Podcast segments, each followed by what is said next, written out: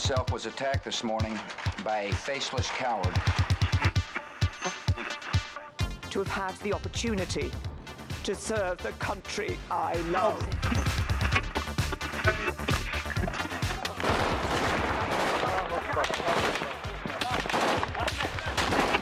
Den Einsatz für Frieden und Freiheit in Deutschland, in Europa und in der Welt.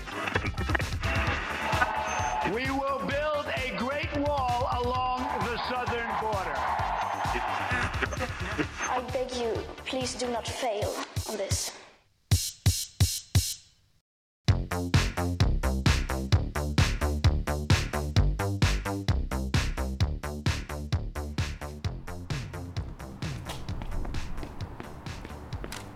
Gummi, hérna? Já, þannig er hún. Jæja, hvað segir Ég segi gott. Hefur að gera þetta í þessum skrifum? Jú, já, einmitt, þólum að þetta Góðan dag, kæru hlustendur, þeir eru að hlusta á heimskviður. Ég heiti Guðmundur Björn Þorbjörnsson. Og ég heiti Birta Björnsdóttir. Í heimskviðum er fjallað um það sem gerist ekki á Íslandi.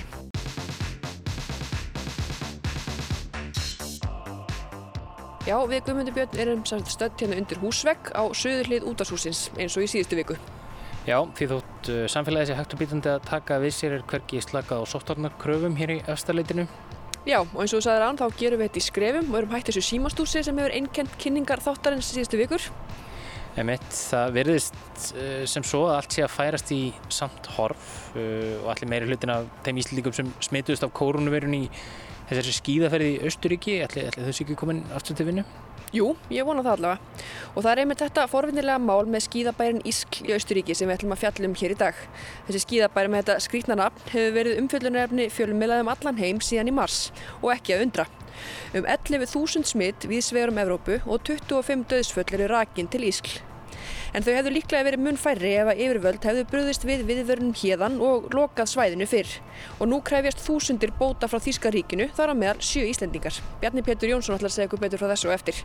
En þú ætlar að kíkja aðeins til Ísraels eða ekki? Jú, þar er uh, loksins komið ný ríkistjórn eftir um einsás stjórnarkreppu og þrennar kostningar á veina við ári. Ólingita tólið Benjamin Netanyahu heldur velli og verður áfram fórsetisar á þeirra. Það sem er eitthvað áhugavert við þetta mál er að leiðtögi flokksins sem myndar ríkistjórn með líkútflokki Netanyahus, blá-kvíta bandalægið svo kallaða, Benny Gantz, hann er harður andstæðingur Netanyahus og lofaði meðal hans því fyrir síðustu kostningar sem voru að haldna í mars hann myndi alls ekki, vinna, alls ekki mynda ríkistjótt með Netanyahu en vikaði langur tími í pólitíku og allt það. Já, hvað þá, nokkra vikur. En Netanyahu, hann er svo að fara fyrir dóm um helgina, eða ekki? Jú, hann er sagðar um mútuþagni og spillingu. Þetta verða áhugaverir fyrstu dagar kjörtíðanbilsins fyrir hann. Ekki bara út af þessu, heldur náttúrulega ný ríkistjórn eh, landsins að ráðast í frekar uppbyggingu landtökubegða á Vesturbakarum sem er palestínumönnum og já, eiginlega bara öllu alþjóðasamfélaginu þvert um geð. En þú Birta, þú ætlar að segja okkur frá dúlafullu mannskvarfi í Kína, ekki satt? Jú, eða kannski mannráni með góðan endi, eða þetta segja sem svo. Mao Ying, hann er 34 ára gammal maður sem hitti fóreldir sína í vikunni í fyrsta sinn í 32 ár. Hann var sér að tveggjára þegar hann var rænt og hann var seldur öðru fólki sem ólan upp. Við segjum ykkur nána frá þessu eftir og hvernig þau funduðu svon sinn aftur eftir allan þennan tíma. Svo ætlum við líka að segja ykkur frá hversu útbreytt samfélagsmein þetta er í Kína, þar að segja rán og sala á börnum. En við byrjum í Östuríki. Hagsmunatengsl ferðarþjónustunir í Tíról og yfirvalda í Östuríki skýra sinnuleysi við COVID-faraldrinum í skíðabænum Ískl að mati stjórnar andstaðinga í Östuríki. Þúsundir taka nú þátt í hópmálsókn og fara fram á bætur frá Östuríska ríkinu vegna veikindana en ímislegt bendi til þess að ferðamála yfirvöld á skíðasvæðunum hafi lengt veikindum bæði starfsmanna og ferðamanna frá því byrjun februar, löngu áður en íslensk yfirvöld vöruði við smittum sem voru rakinn til skíðasvæða Alpana. Bjarni Pétur Jónsson tekur nú við.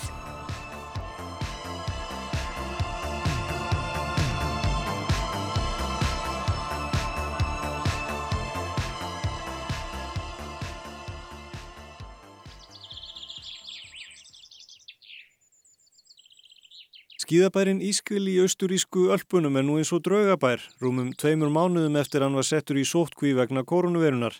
Ískvil er smábær vestast í austuríki við landamærina Sviss. Þar búa um 1500 manns, en skíðasvæðin fyrir óan bæin eru einn þau stærstu og flottustu í heimi, en bærin deilir svæðinu með svissneska skíðabænum samnán. Á Tírólsvæðinu í Austuríki vinnur um fjórðungur alls vinnandi fólks í ferðarþjónustu og bara til Ískil kemur um hálf miljón ferðamanna á hverjum vetri. Svæðið er því mjög vinsælt skíðasvæði og það er tímabili líka lengra, nær alla jafna alveg frá byrju nóvembur og fram í mæ. En það stittist tölvert í ár með tilerandi búsifjum fyrir ferðarþjónustuna á svæðinu. Stjórnvöldi í Austuríki á Tírólsvæðinu og í Ískul brúðust seint við viðvörunum um að koronaviran hefði blossað upp í bænum í februar og dróðu það lengi að breyðast við. Og nú er spurt hvers vegna.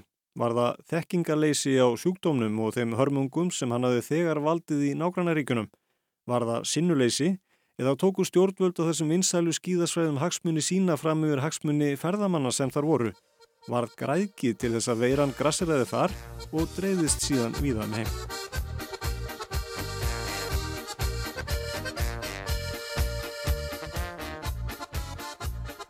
Skíðabærin með skrítnanafnið hefur verið umfjöllunarefni fjölmiðlaðum allan heim síðan í mars og ekki að undra. Um 11.000 smitt viðsvegar um Evrópu og 25 döðsföll eru rakin til Ískul. Yfir völdi í Austuríki staðfestu fyrsta tilfelli COVID-19 í bænum 7. mars. Sá sem veiktist var barþjóðn á skíðabarnum Kitslokk, flautubarnum Fræga, þar sem flauturnar gengu manna á milli og koronaviran þar með. Fram til þessa var því skíðabærin Ískul að mati austurískra yfirvalda örugur og hætta á smiti lítilið engin. En hvernig stóð heimsfaraldurinn lögadaginn 7. mars, sama dag og fyrsta tilfellið í Ískil var staðfest. Helbriðis yfirvöld beina sjónum sérstaklega að öldruðum og fólki með þekta áhættu þætti fyrir alvarlegri COVID-19 síkingu. Í dag hafa 5 ný smitt greinst og fjöldi smittara er því komin upp í 50. Stjórnvöld á Ítalíu ætla að ráða 20.000 heilbriðisstarfsmenn til starfa á næstunni vegna útbreiðslu COVID-19 verunar. Hún hefur dreyið fleiri en 200 til dauða þar í landi. Á Ítalíu voru 2000 smituð af veirinu og bæði spítalar og líkús í langbarðalandi að fyllast. Og meðan voru skemmtistæðir í Ískil tróð fullir af ferðamönnum, flestir frá Þýskalandi en einnig fjöldi breyta, Dana, Ítala, Frakka, Bandaríkjamanna og Íslendinga. Eitt þeirra var Haraldur Eyvins Þrastarsson. Við fjölskyldan fórum sem sagt í skíðaferð til Austuríkis, til Iskl og við fórum út 21. februar. Tókum eina nótt í munn hína ára kerðu svo nýrti til Austuríkis 22. og ætlaðum bara að njóta þess að vera á skíðum hérna í viku með vinafólki okkar sem við svo sem gerðum. Var nú ekki fyrir en við komum heima við, við svona áttuðum okkur á því hvað hefði gerst og, og hvernig þetta fór allt saman. Haraldur fór að finna fyrir einkennum þegar heimar komið og hann, eiginkonans og dóttir voru meðal þeirra fyrstu sem greindust með veruna hér. Hann segir að fyrstum sinn hafið þau haldið að þau varu örug í alpaþorpunu Ískul, en eftir á að higgja síu aðstæður þar þannig að erfitt sé að koma í veg fyrir smitt. Mjög margir samankomnir á eitthvað litlu svæði, til dæmis komist um 180 manns í stærstu kláana sem flytja fólk að skíðasvæðunum og þrengslinn mikil á veitingastöðum og börum og þar á meðal skemmtistæðnum Kitslokk. Já, grunur beinist náttúrulega að þessum fræga skemmtistað, Kitslokk, flautubarnum fræga. Við stoppum þar einu sinni og, og kíktum inn til þess að upplifa stemminguna og, og, og það var náttúrulega bara maður við mann þar og barþjónarnir gangandum með flauturnar til þess að reyka fólk frá þegar þeir komið með bakkana sko í labbandum staðin. Þannig ég er svona ánú fastlega vona á því að það, það er svona, sé nú líklegast í staðurinn. Haraldur var í hópi ásamt öðrum Íslendingum og eitt þeirra veiktist alvarlega eftir að heim var komið og var í tíu daga og gjörgjæslu deilt landsbítalans en náði bata. En förum aftur til Östuríkis og lögadagsins 7. mars, sama dag og fyrsta koronaviru smitið í Ískul var staðfest. Þann dag reyndu yfirvöld og Ítalju frá því að 36 hefðu dáið þar vegna sjúkdómsins og tilkynntum næri 1300 ný smitt þar.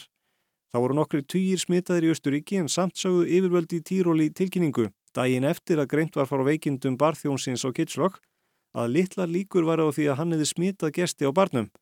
Herbert Foster, yfirmaður smittsjúkdómavarna í Tíról, hefur varið þessa yfirlýsingu í austurískum fjölmjölum og sagt að á þessum tíma haf ekki verið vita hversu hratt og auðveldlega veiran dreifir sér milli manna. Hann hefur þvert ekki fyrir það að efnahagslega áhrif hafi spilað inn í, en þó viður kent að yfirvöldi Tíról hefðu geta staði betur að því að koma ábendingum um hættuna til skila til ferðamanna. En þetta lögataskvöld var eins og flest önnur kvöld á skíðasvæðum í austurísku örpunum.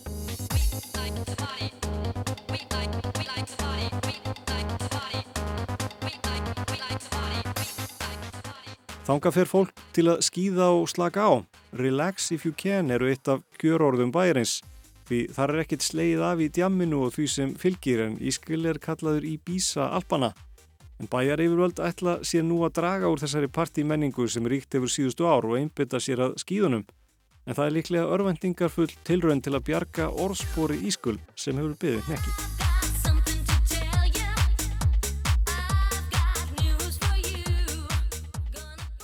Í brefi frá íslenskum sóttvarnar yfirvöldum frá því í byrjun mars segir að 14 einstaklingar sem voru í Ískil hafi smitast af COVID-19.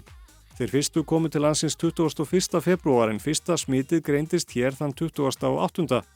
Tórólu Guðnarsson, sóttvarnaleknir, segist ekki geta sagt til um það hvers vegna yfirvöld þar hafi ekki brúðist við fyrr. Það var nokkuð ljóst strax í byrjun að flestir þeir sem voru að greinast er strax fyrstu dagan eftir 28. februar. Að það voru einstaklingar sem að Eh, sem að voru að koma frá skíðasvæðunum í bæði á Ítalíu og Austuríki og, eh, og þegar við fórum að skoða þetta betur bara fyrstu dögunum þá, þá voru mjög margir sem komu frá Ísil svæðinu í Austuríki og það sem vakti aðtegli var það að við vorum að greina strax hérna bara í fyrstu aðreinu átta einstaklinga á sama tíma voru bara eh, nokkrir einstaklingar að, að greinast í öllu Austuríki þannig að þetta passaði ekki einhvern veginn. Þið sama átti við hinn Norðurlöndin en í Östuríki var dreyið í efa hvar og hvenar þessir ferðamenn hefðu smittast. Yfirvöldi í Tíról heldu því fram til að byrja með að þeir hefðu smittast á leiðinni hinga til hans og hafa gefið þá afsökun fyrir sinnuleysi sínu að veikindi séu fyrir ekkar algenga á þessum tíma ás á skíðarsvæðum í Ölpunum. Og því hef ekki verið ástæða til að bregðast við viðvörunum frá Íslandi og loka börum, veitingastöðum og hótelum fyrr. I think uh, that we, because of uh, economic reasons, uh, a delay in uh, closing bars, hotels and... Þetta er Peter Kolba, hann er austurísku lögmaður og formaður austurísku neytindasamtakana. Í hans huga er engin vafið um að yfirvöld hafi dreyið það að loka af efnagsástaði. Do you believe the authorities there knew about infections in Ískjöld before the warning came from Iceland? I think uh, they did know it, yes, and uh, their reaction was uh, a little strange because they said in a public statement that it is not very real that you can infect uh, man to man. It's crazy. Hann segir að yfirvöld hafi vitað af smitum í februar en ekki brúðist við og furðar sig á því að ger sér lítið úr stöðunni í yfirlýsingu yfirvalda. Peter fer fyrir hópmálsók sem miðar að því að draga yfirvöld til ábyrðar vegna vandragslu. We have uh, reports of uh, 5,500 victims from all over the world. Uh, the most of them, uh, 3,800 came from Germany, but also from all European countries and also from uh, the United States, from Russia, Seven Icelander had also sent us uh, a report about their adventures in Tyrol and the infection with the virus. Rúmlega 5.500 taka þátt í hóp málsókninni þar að veru sjö Íslendingar. Peter segir að markmið málsóknarinnar sé tvíþætt að sína fram á ábyrð stjórnvalda á svæðinu því ekki var brúðist við viðvörunum með því að loka börum og hótelum og raunar öllum passnán dalnum sem ískler í. Auk þess er krafist bóta frá austurískum yfirvöldum vegna tjóns sem þeir sem veiktu sturðu fyrir. Hann gerir ráð fyrir því að málaferlinn taki marga mánuði og jafnvel ár, en núna eru hafinn prófmál fyrir austurískum dónstólum sem gætu hraða ferlinu.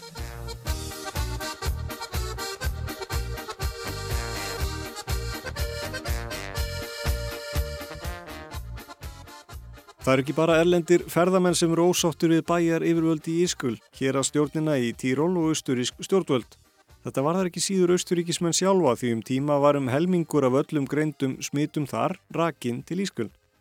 Og það er tekist á um þetta mál á landsþinginu í Innsbruck, þar sem stjórnarnanstaðan lísti vantrösti og heilbyrðis ráþeran Bernhard Tilg. Hann hafnar því að yfirvöld hafi hunsað ábendingar um smitt. Þau hefðu fengið fullnægandi upplýsingar frá Íslandi þann 7. mass og í framhaldinu hefði starfsfólk á gististöðunum verið skimað og þær niðurstöður hefðu allar reynst neikvæðar. Þá hefði verið skimað á nærligjandi ölstofum og þá greindist barþjóðnin á kitslokk. Tremur dögum setna hefði barnin verið lokað og síðan verið gripið til þess ráðs að loka öllum veitikastöðum sem voru vinsælir hjá ferðamönnum frá Norðurlöndunum. Víku setna hefði síðan verið skellt í lás á öllu skíðasvæðinu. Franska blæði Le Monde fjallaði um smitinu míðan mass en þá var hægt að rekja helming allra smita í Nóriði til Ískul þriðjakört smiti í Danmörku og eitt af hverjum sex í Svíþjóð.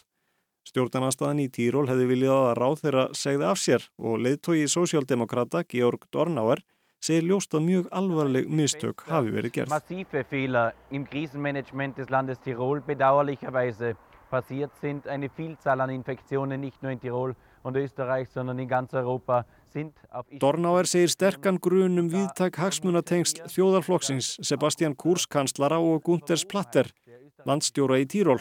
Efnagslegir hagsmunir, hótel og skíðaliftu eigenda hefur verið teknir fram yfir hagsmunni íbúa Týról, heilsu þeirra og gesta. Petur Kolba tekur undir með Dornauer og segir að ítök þeirra sem stýra skíðasvæðunum séu mikil. The tourist industry in, in, in Tyrol is, has very much power.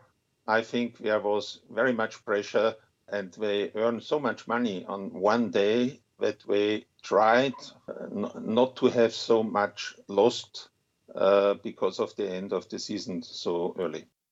Ef skíðatímabilið er stitt um nokkra mánuði hefði tjónið orðið mikið og það verðist í alltaf verið gert til að tefja það í lengstu lög og yfirvöld verðast ekki alltaf að sæta ábyrðið að greiða bætur. I see no willing of the authorities uh, to take responsibility, to say to the victims we had uh, acted wrong and to pay money for, uh, for, for compensation. Sebastian Kurz, kanslari Östuríkis, hefur skipað óháða nefnd til að rannsaka viðbröð stjórnvalda. Hún beinist einnig af því hvort stjórnvöldi í Týról hafi vitað af smittum löngu áður en viðvörunar bjöllur frá Íslandi fór á hljóma. Kurz segir mikilvægt að skoða hvort eitthvað fór úrskeiðis og þá hvað það var, en hann hefur blásið á kröfur um bætur og afsökunar beðinir frá nágrannaríkunum sem fengu yfir sig holskeplu smita eftir að ferðalangar snýru heim frá Östuríki.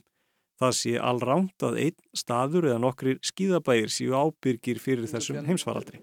Finde ich eine Selbstkritik und eine Auseinandersetzung damit, was hätte man besser machen können, wichtig. Aber ich halte es für falsch, so zu tun, als gäbe es einen einzigen Ort und der ist weltweit für diese Pandemie verantwortlich. Og það er alveg rétt hjá kurs, því fer fjarrri að yfirvöldi Týról hefðu geta forðað heimsfaraldri, en þau hefðu geta gert sitt til að fækka smitum til muna. Werner Kurs, bæjarstjóri í Ískel, hefur látið lítið fyrir sér fara þráttur í mikla fjölmiðla umfjöllun og gefið kost á fáum viðtölum. Jón Björgvinsson, fréttarittari Rúf, fór til Ískel á dögunum og tók viðtal við Kurs, sem segir að rannsókn þingnefndarinnar beinist aðalega landstjórninni í Týról og heilbriðis yfirvöldum þar. Diese Untersuchungskommission betrifft vor allem die Landesregierung und die Landessanitätsdirektion. Wir sind ja anderweitig bei der Staatsanwaltschaft angeklagt, aber das... Äh Kúr segir að bæjaryfjöld veiti saksóknur um allar upplýsingar sem óskar verði eftir og treysti svo á austuríska réttarkerfið. Saksóknari í Innsbruck er nú að kynna sér umlega 1000 blaðsína laurugluskíslu sem ekki hefur verið gerð opimber. Þegar því er lokið að þetta leikja fyrir hvort grunur leiki á að lögbrot hafi verið framinn en ef svo er, er gert ráð fyrir að bætur til þeirra sem vektust gætu numið alltaf 5 miljónum evra. Jafnverðum 785 miljóna íslenska króna.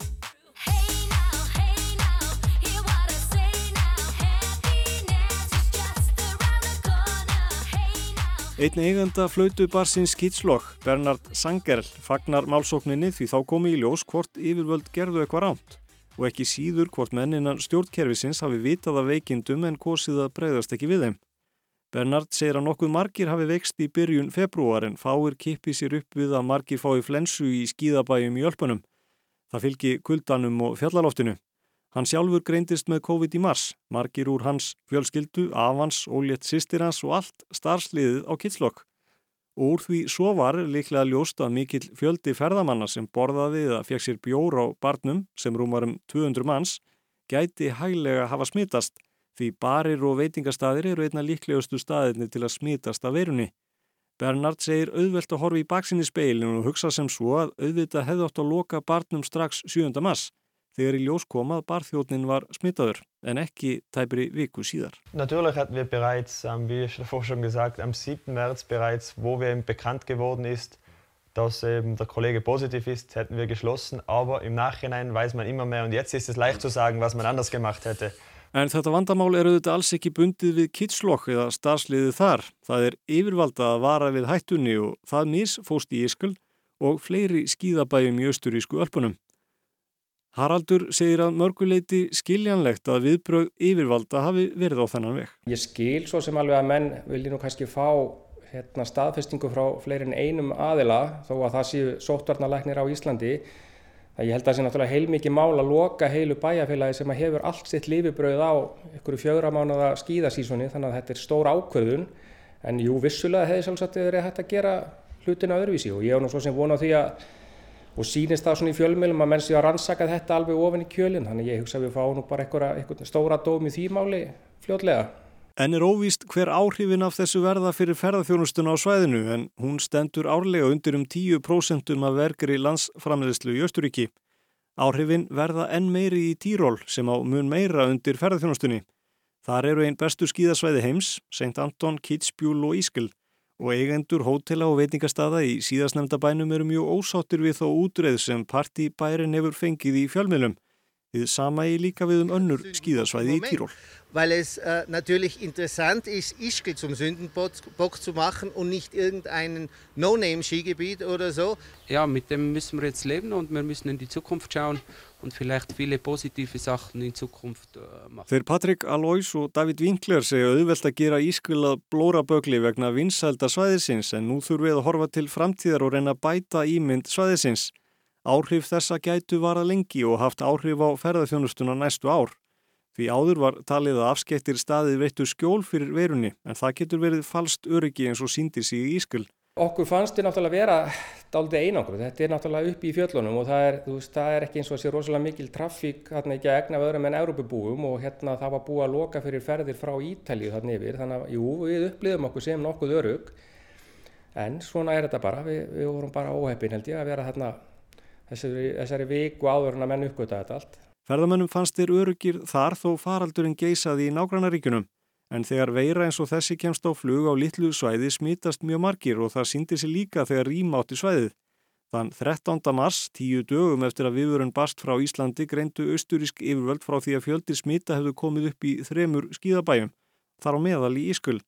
Tilkynning byrtist klukkan 2 eftir háti og lokanir áttu að taka gildi innan stundar, klukkan 3 þann sama dag.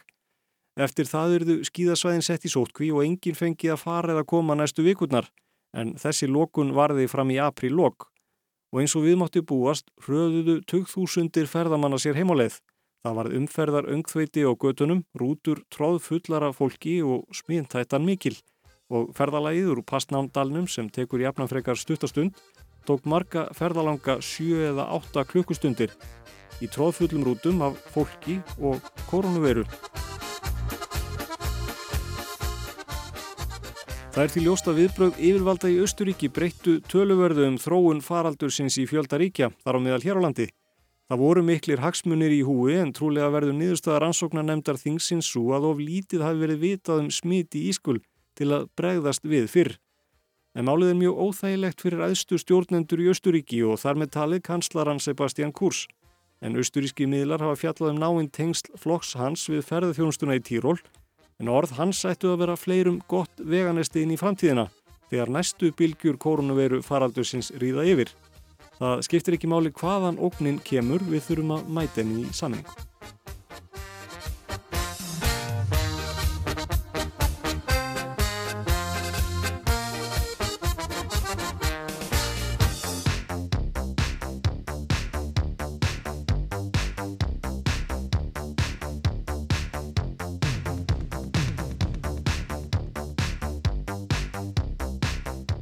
Frá skíðasvæðum Austuríkis höldum við til Ísrael. Eftir þrennar kostningar á innan við ári er loks komin ný ríkistjórn í Ísrael. Í fósettisráþra stólnum situr þú áfram gamallir yfir, Benjamin Netanyahu. Að minnstakosti næsta eina og hálfa árið eða svo. Þar til Benny Gantz tekur við stjórnantöfumunum. Gantz hefur verið harður andstæðingur Netanyahu en þó hefur loks tekist að sættast á að mynda saman ríkistjórn. En hvers vegna hefur þetta tekið svona langan tíma og hvers vegna ná þessir ólíku stjórnmálumenn saman núna? Og hvaða áhrif mun þessi ríkistjórn hafa á frekari landtökubygðir á vesturbakkanum. Guðmundur Björn Þorbjörnsson ætlar að svara öllum þessum spurningum.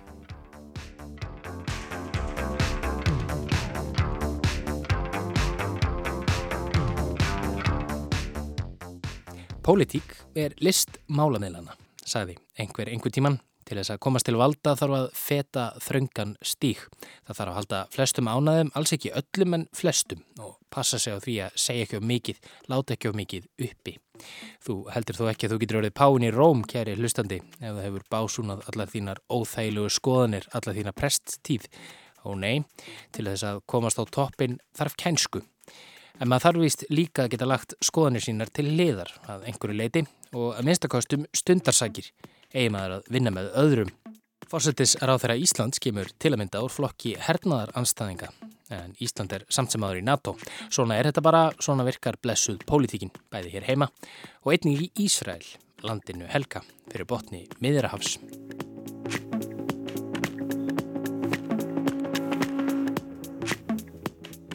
Þar hefur verið stjórnarkreppa í rúmt ár og þrennar kostningar að baki á einu ári. Hvers vegna? Jú, vegna þess að stjórnmálamenn voru vist ekki tilbúinir að miðla málum. En ekki lengur. Benjamin Netanyahu og Benny Gantz hafa komið sér saman um myndun nýrar ríkistjórnar. Menn sem hafa lengi eldað grátt silfur saman. Sá síðarnemdi lofaði því eitt sinn að koma þeim fyrrnemda frá völdum fyrir fullt og allt. Engin er vist örugur fyrir kaltæðinni stjórnmálana og krafti hennar. En hvaða þýðingu hefur myndun þessarar nýju ríkistjórnar fyrir framtíð fólksins sem býr í landinu helga? Ekki aðeins Ísraela, heldur einnig Palestínum.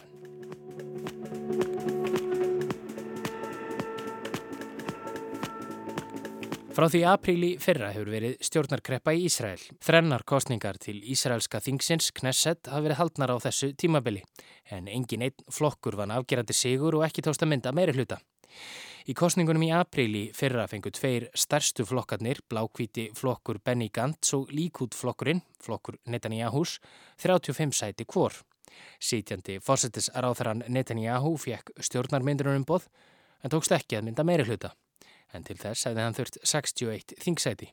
Í kjölfarið var þingið leist upp. Israel's parliament voted to dissolve itself early Thursday and called for unprecedented snap elections to be held in September. Í september á síðast ári fóru svo aðrar kostningar fram þar sem blákvítir höfðu eitt sæti af líkút frá síðustu kostningum. En aftur fekk Netanyahu stjórnarmyndunar umbúð og aftur mistókstónum að mynda ríkistjórn. Fekk þá Benny Gantz umbúð til stjórnarmyndunar en allt kom fyrir ekki. Honum mistókst einnig að mynda meiri hluta. Í kjölfarið var þingið leist upp öðru sinni á fimm mánuðum. It's yet another blow to Benjamin Netanyahu's attempts at forming a majority government following elections which left the country deeply divided. Og í mars á þessu ári fóru þriðju kostningarnar fram. Nú fekk líkútflokkurinn fleiri sæti en hinn er blákvítu en Gantz stótti njóta meiri stuðnings í þinginu að mati fórsetta landsins og fekk hann því stjórnarmyndunar umbuðið. Og hvernig gekk það? Já, Þú gískaði rétt, það gekk hreint ekki neitt. Well, Israel's political turmoil is taking a new turn as results start pouring in from the country's high-stakes election. Það þarf engan snilling til að sjá að þeir Netanyahu og Gantz reyndu ekki að sannfara hver annan um að mynda ríkistjórn. Það hefði ju gengið þessu skotenda líkút og blákvítir tveir stærstu flokkarnir á þinginu. Fyrir kostningarnar í mars lofaði Gantz því að hann myndi ekki mynda ríkistjórn með Netanyahu sama hvað. Meirum það á eftir. Já, og hvar endar þetta? Maður spyr sig. Það stemdi um tíma í fjörðu kostningarnar. Þetta er Óluf Ragnarstóttir, frettamæður og liðsmaður heimskviða. Hún hefur fylst vel með ísraelskum stjórnmálum síðustu mánuði. En eitt og annað hefur gerst síðan í mars og ef þú hefur ekki búið í helli eða sætt einangrun í öryggisfangelsi þá veistu líklega að heimsfaraldur hefur geysað og Ísrael hefur ekki sloppið við hann síðustu kostningarnar voru í byrjun mass þannig að Ísrael eru nú þegar búinir að ganga til kostninga í faraldrinum og það var ekkert sérstaklega vannlegt að þurfa að, að fara í aðrar kostningar. Einmitt það, allstaðar tekst koronaveirunni að óta sínum tóta og nú er hún farin að hafa áhrif á Ísraelsk stjórnmál. Skömmu eftir kostningarnir í mars fór veiran að breyðast út af miklum mætti í Ísrael og Benny Gantz tók þá 180 gráðu snúning. Nú væri hann tilbúin að vinna með Netanyahu, saði hann. Það væri neyðar ástand í landinu og Ísrael þyrti starfandi ríkistjórn. Náttúrulega þetta ástandi orði mun verra og menn, það sem að Gantz saði mest að kosti eh, ofinberlega var að þetta hefði bara verið nöðsynlegt til þess að takast á í faraldurinn. Það, þurfti, það hefði bara þurft að koma á stjórn í landinu. Þannig við skiljum þetta rétt, Ólaf, þá segast þeir bara að hafa verið nauð beigðir til að vinna saman, eða hvað? Það lítur þannig, minnst að kosti þannig út og svona er svo ofinbæra skýring sem hefur verið gefin en, en sko þegar kemur á stórum málum, veist, varnamál eru svona, mjög stór, stórt mál í málefni í Ísrael og landtökubiðina til dæmis, þá greinir það ekki sérstaklega mikið um málefnalega. Já, þetta eru nefnilega ekki svo ólíkir flokkar. Blákvíta bandalagið er í miðjunni og meðan líkút flokkast aðeins lengra til hægri en flokkarnir eru báðir íhjaldsamir og leðtóðar þeirra yfirlýstir síjónistar. Hvers vegna í óskupunum gekk þá svona yllað að láta endan á saman. Já, það er jú vegna þess að Benjamin Netanyahu er einn umdeldasti stjórnmálamæður síðari ára, stjórnmálamæður sem Benny Gantz hefur sagt gjör spiltan og í rauninni sko, hefur hann byggt sitt frambóð á því að koma Netanyahu burt. Þannig að þetta er ótrúlega mikill viðsnúningur. Já, pólitíkin er list málameðlana og allt það en kannski er eitthvað til í því sem Gantz segir en það sætir Netanyahu nú ákjæru fyrir spillingu og mútuþægni. Við höfum áður fjallaðum ákjærutnar yfir Netanyahu í heimskviðum en á þessum tímamótum er verðt að rifja þar upp. Í upphafi voru þetta samtals fimm mál í rauninni og þau snúa öllum, snú, snúast um mútur, fjársvík og umbóðsvík. Fyrsta máli var formulega svona opnað í desember 2016. Þar er hann til dæmis bæði Netanyahu og einkonan sem eru sökuð um að sérst, þykja alls konar gjafir frá svona, ríkum einstaklingum og Svo, og líka hafa bóði greiða í skiptum fyrir jákvæða fjölmiðla um fjöllun. Það var þó ekki fyrir í november síðastlinum sem Netanyahu var formlega ákjærður þótt málið sé búið verið gangi í mörg ár. Næsta sunnudag, 24. mæ, eiga réttarhöldin svo að hefjast. Þau áttu að hefjast í mars en Netanyahu bað þá um að þeim erið senkað. Því var hafnað af réttinum en þá kom kórunveran fórsutis aðráðranum til bjargar. Núlóks komið að þessu og Netanyahu sest í réttarsalinn á sunnudaginn. En ég menna það er ekkit búist til því að nýðust að veri komin í þetta sérst hvort hann veri dæmdur segur eða ekki. Hann þarf ekki að hugsa um það upp á sko fórsætisráðara ennbættið strax. Netanyahu er þó líklega ekkert á leið í fangelsi allavega ekki strax. Þessi réttarhaldi eftir að dragast eins lengi og hægt er, sko, hann, á, hann er náttúrulega búin að ná að draga málið mjög, mjög lengi nú þegar og ef, ef hann verður dæmdur sigur, þá mun hann áfrýja.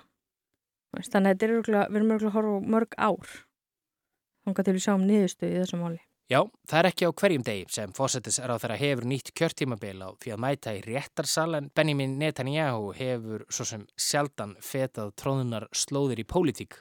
Hann hefur gengt ennbætti fósettisar á þeirra frá 2009 og þar áður var hann fósettisar á þeirra frá 1996 til 1999 og hann mun gegna ennbættinu áfram næstu átjón mánuði, að minnstakosti. En þá á Benny Gantz að taka við samkant stjórnar sáttmálanum. Maðurinn sem hefur sagt að það gangi ekki að vera með fórsetisarraðara sem sætir ákjæru fyrir spillingu og mútur. Já, hann hefur sagt sko að það sé ekki lengur hægt að hafa Netanyahu við stjórn en núna ætla þeir að vinna saman en þá náttúrulega eftir að koma í ljós hvernig þessari ríkistjórn gengur að vinna saman. Hann Netanyahu verður fórsætisráðari átjá mánuði og stjórnmálaskýrendur eru svolítið margir á sama máli um það að Gantz fá ekkert að stjórna. Hann bara, þegar kemur að því að hann er að taka við, þá verður bara komið eitthvað annað.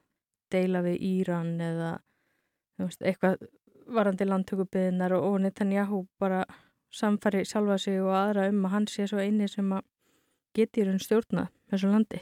Hann munir þá frekjast til að sitja áfram í ennbætti að átjámanum liðnum eða hvað? Já, í rauninni og líka sko Gantz á að vera varnamálar á þeirra sem er mjög stórt í Ísrael að því að þetta er eitt mikilvægast að ennbættið en jáfnveil sko með það sem að ég hef svona lesið og, og séð hérna sérfræðinga í Ísrael vera að segja að þá býst engin við því að hann fái samt að stjórna neinu.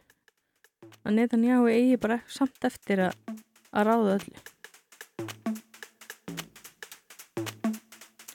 Ríkistjórnin sem nú tekur við völdum í Ísrael er svo stærsta sem sést hefur frá stopnun Ísraelsa ríkis. Ráþararnir verða 36 talsins, hvorki meirinni minna. En hvaða verkefni er á döfinni? Það ætti kannski ekki að koma neinum á óvart að innlimun frekari landsvæðis á vesturbakkan, þar sem palestínumenn er í meiri hluta, sé í forgangi.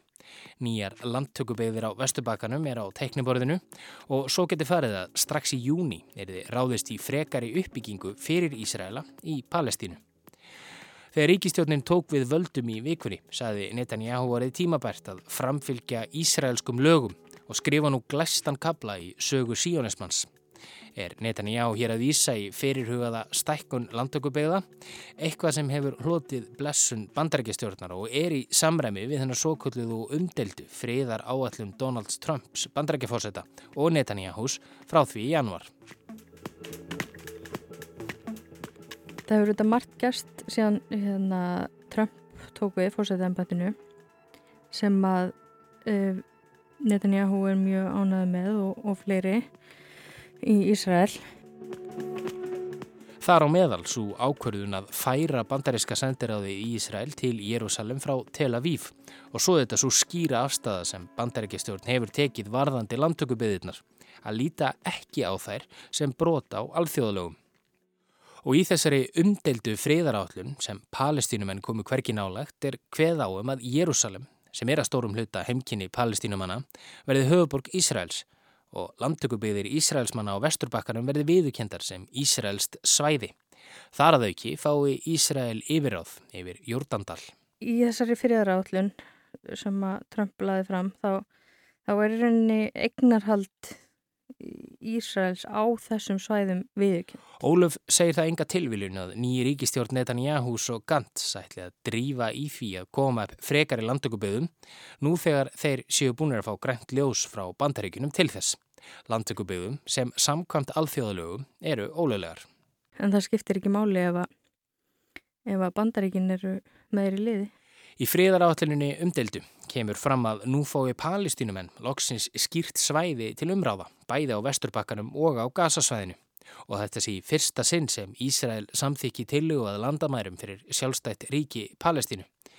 En þetta er auðvitað ekki alveg svona einfalt. Ok, um hvað snýst þetta? Það er alltaf að vera að tala um þess að tveggja ríkja laust. Að palestínumenn eigi þá rétta og stopna sitt eigi ríki og það er okkur ákveðnu landsvæði. En á sama tíma er verið að byggja, eru Ísraelsmenn að byggja á því landsvæði og núna að fara innlima það í Ísrael.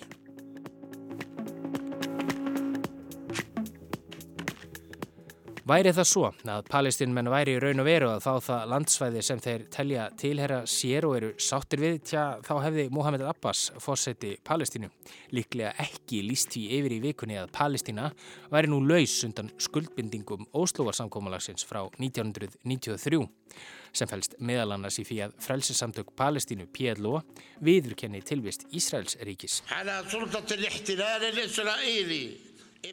Frá með deginum í dag sagði Abbas eru frelsið samtök Palestínu og ríkið Palestína lausundan öllum samþýttum sem gerðar hafa verið við bandarisk og ísraelsk stjórnvöld.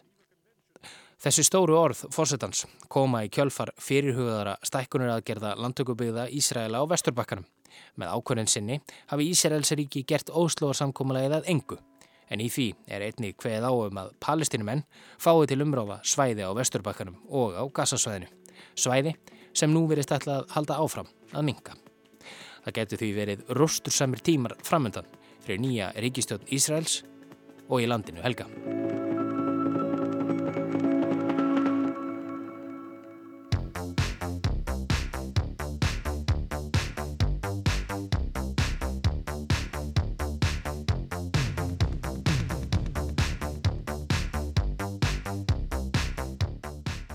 Fjölmiðlar í Kína fylgtust í vikunni með langþráðum endurfundum ungs manns og foraldra hans. Þau hefði ekki hist í 32 ára eða frá því að sininum var rænt þegar hann var tveggja ára gammal. Þúsundum barna er rænt á hverju ári í Kína og þau ganga nú kaupum og sölum. Birta Björnsdóttir tekur nú við.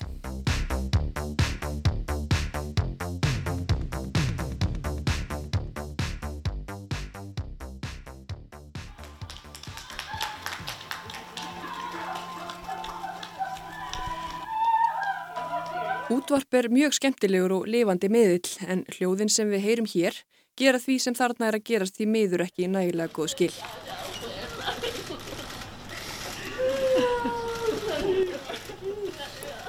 Þarna er hinn 32 ára Mao Ying að faðma móðu sína. Það er í sjálfu sér mjög fallegt og gott en það sem gerir faðmla þeirra óvinni sérstakt er að þau hef ekki hist í 32 ár eða síðan Mao Ying var 20 ára.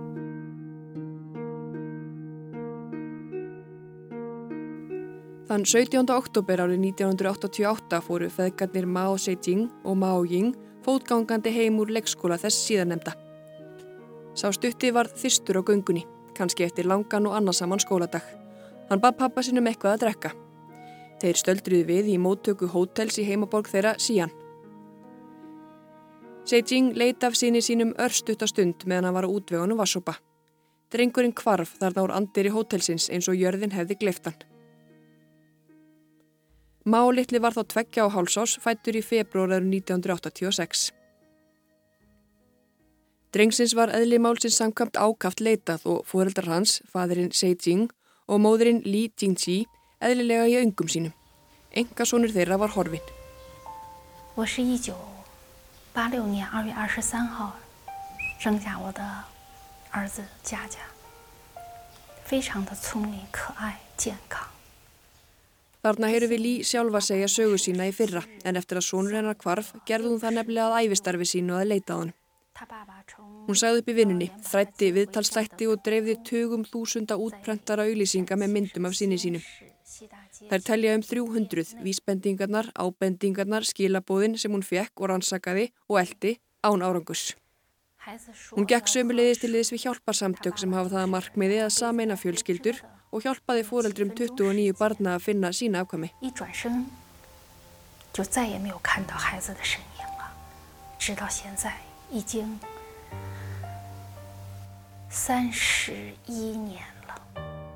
Leit hennar bar þó ekki árangur fyrir 32 árum eftir að hún hófst. Það var í apríl, bara í síðasta mánuði, sem lauruglunni í Sían bárust vísbendingar um mann frá Sísá héræði sem hefði keft sér barn sent á nýjunda áratögnum. Barn frá Sjansí héræði þar sem borgin Sían er. Það eru um þúsund kílometrar á milli staðarinn sem hann fannst á og borgarnar þar sem honum var rænt. Í þessi 32 ár gekk Mao Ying undir nafnu Gu Ningjing, algjörlega ómeðvitaður um blóðfóreldri sína. Fólkið sem bjó hann til og fætti og leitað hans logandi ljósi. Í umfjöllun kynverskra miðla um málið segir meðal annars að Mao Ying hafi í gegnum tíðina sé Lý, móður sína, í sjónvarsviðtölum vera lýsa eftir sinni sínum. Algjörlega grunnlausum að hann væri sjálfur þessi sonur sem hún þráði svo að finna.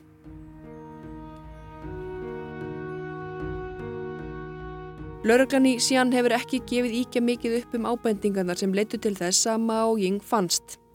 Einni hefur ekkert verið gefið upp um fólkið sem kefti drengin og ól hann upp í 32 ár. Nýja heldur um manneskuna sem rændunum. Það hefur þó verið gefið upp að söluverð Mao litla var 6.000 júan sem eru um 120.000 íslenska krónaða núverði.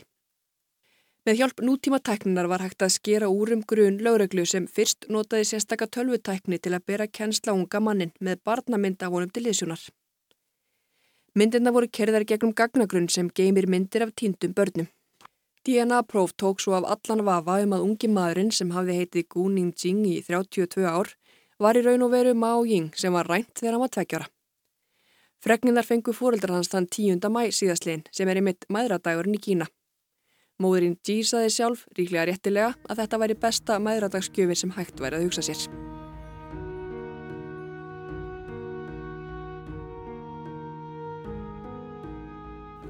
Saga þeirra er merkileg fyrir margra hluta sækir og hvaða handriðshöfundur sem er er því full sæmtur af atbröðarásunni sem meirað að segja býr yfir hamingjuríkum endalókum. Allavega fyrir hérna ný saminuðu fjölskyldu. Það setur þó sögu fjölskyldunar í starra samengi að hugsa til þess að hún er alls ekki einstæmi. Rán og sala á börnum er bísna algengi í Kína. Engar ofinbyrjar tölur eru til um fjölda þeirra barna sem er rænt í Kína ár hvert. Árið 2015 var áallað um 20.000 börnum væri árlega rænt þær í landi. Þær upplýsingar eru þó ekki fengnar frá kínverskum yfirvöldum. Ef þau búa yfir þessum upplýsingum eru þau ekki áfjáði að deila þeim.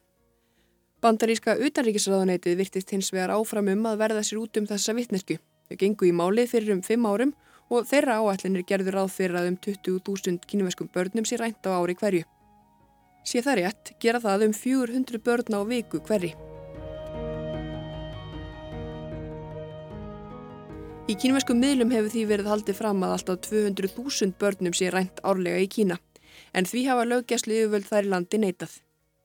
Þó umfangið sé ekki alveg kýr skýrt ætti að vera óhætt að halda því fram að þúsundum barna sé ár hvert rænt í Kína. Og á bakvið hverja og eina sögu er fólk, börn sem er rænt og þau seld til annara.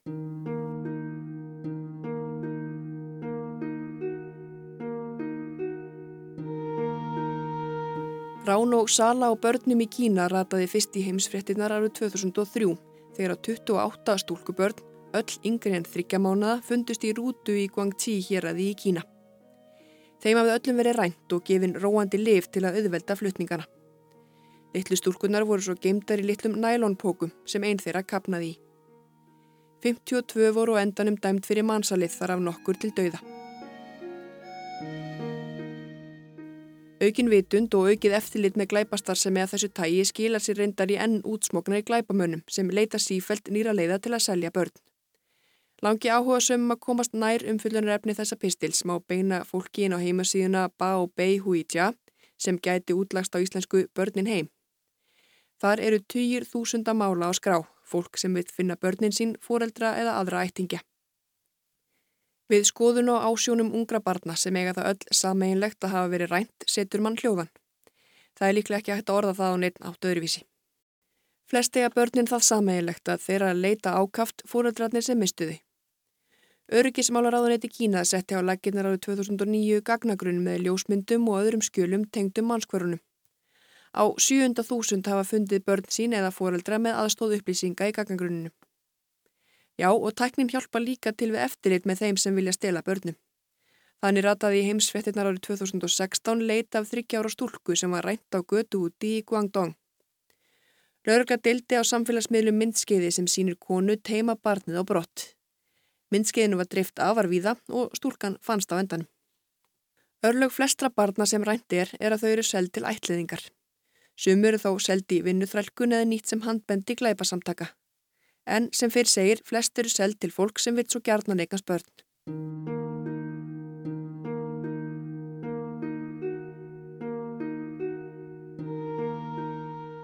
Drengir kosta meira en stúlkur, alltaf því helmingi meira. Sústaðarinda og rætur sínar í aldagamalli tilneyingu í kínvesku samfélagi að halda meira upp á drengi. Þeir eru líkleri til að viðhalda ættanafni fjölskyldunar og sömuleiðis líkleri til að halda fóröldirsunum uppi þegar aldurinn færist yfir.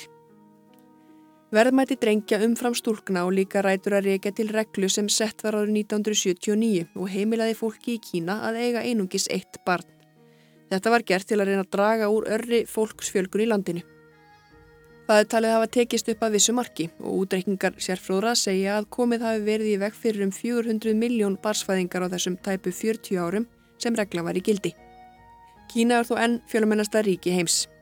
Og það voru engar smá sektir eða skammir við því að fjölga sér um meira en eitt barn, allt frá sektum og atvinnumissi til þvingara fóstureyðinga, gæt beðið þeirra sem fjölguðu sér meira en ríkið bauð. Ef þú mátt bara eiga eitt barn, þótti mörgum það ákjósanleira að það væri drengur af áður nefndum ástæðum. Þó landslug heimri nú að fólki í tvö börn í Kína hafa allar þessar reglur áhrif á viðhort til badnegna og allt umhverfið í kringum þær.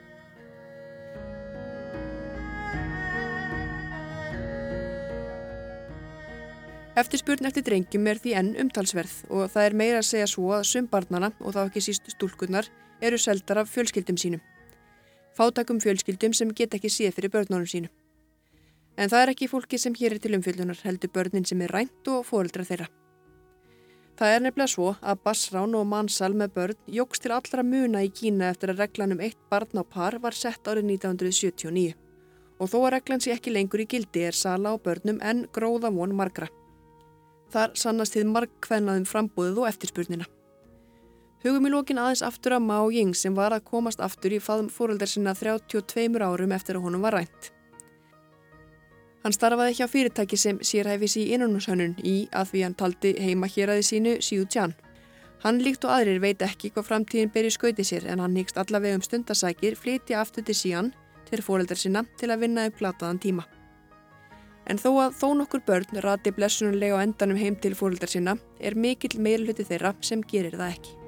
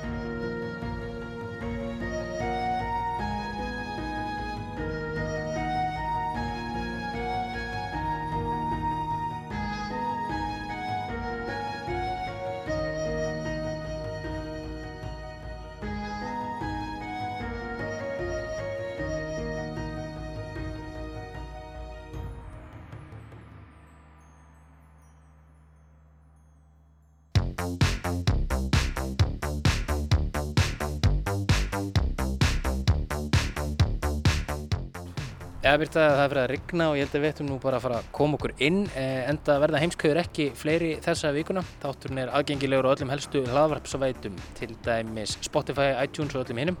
Það er upplætt að gerast áskrifandi af þættirum á þessum veitum svo ekkert fari fram hjá ykkur. Já, og svo er líka hægt að hlusta þáttinn í rúvappinu eða í spilarnum á rú.is og þar er einnig hægt að lesa ítalegar fréttaskýringar um efni þáttarins. En við þökkum þeim sem hlýtu og heyrumst aftur í næstu viku.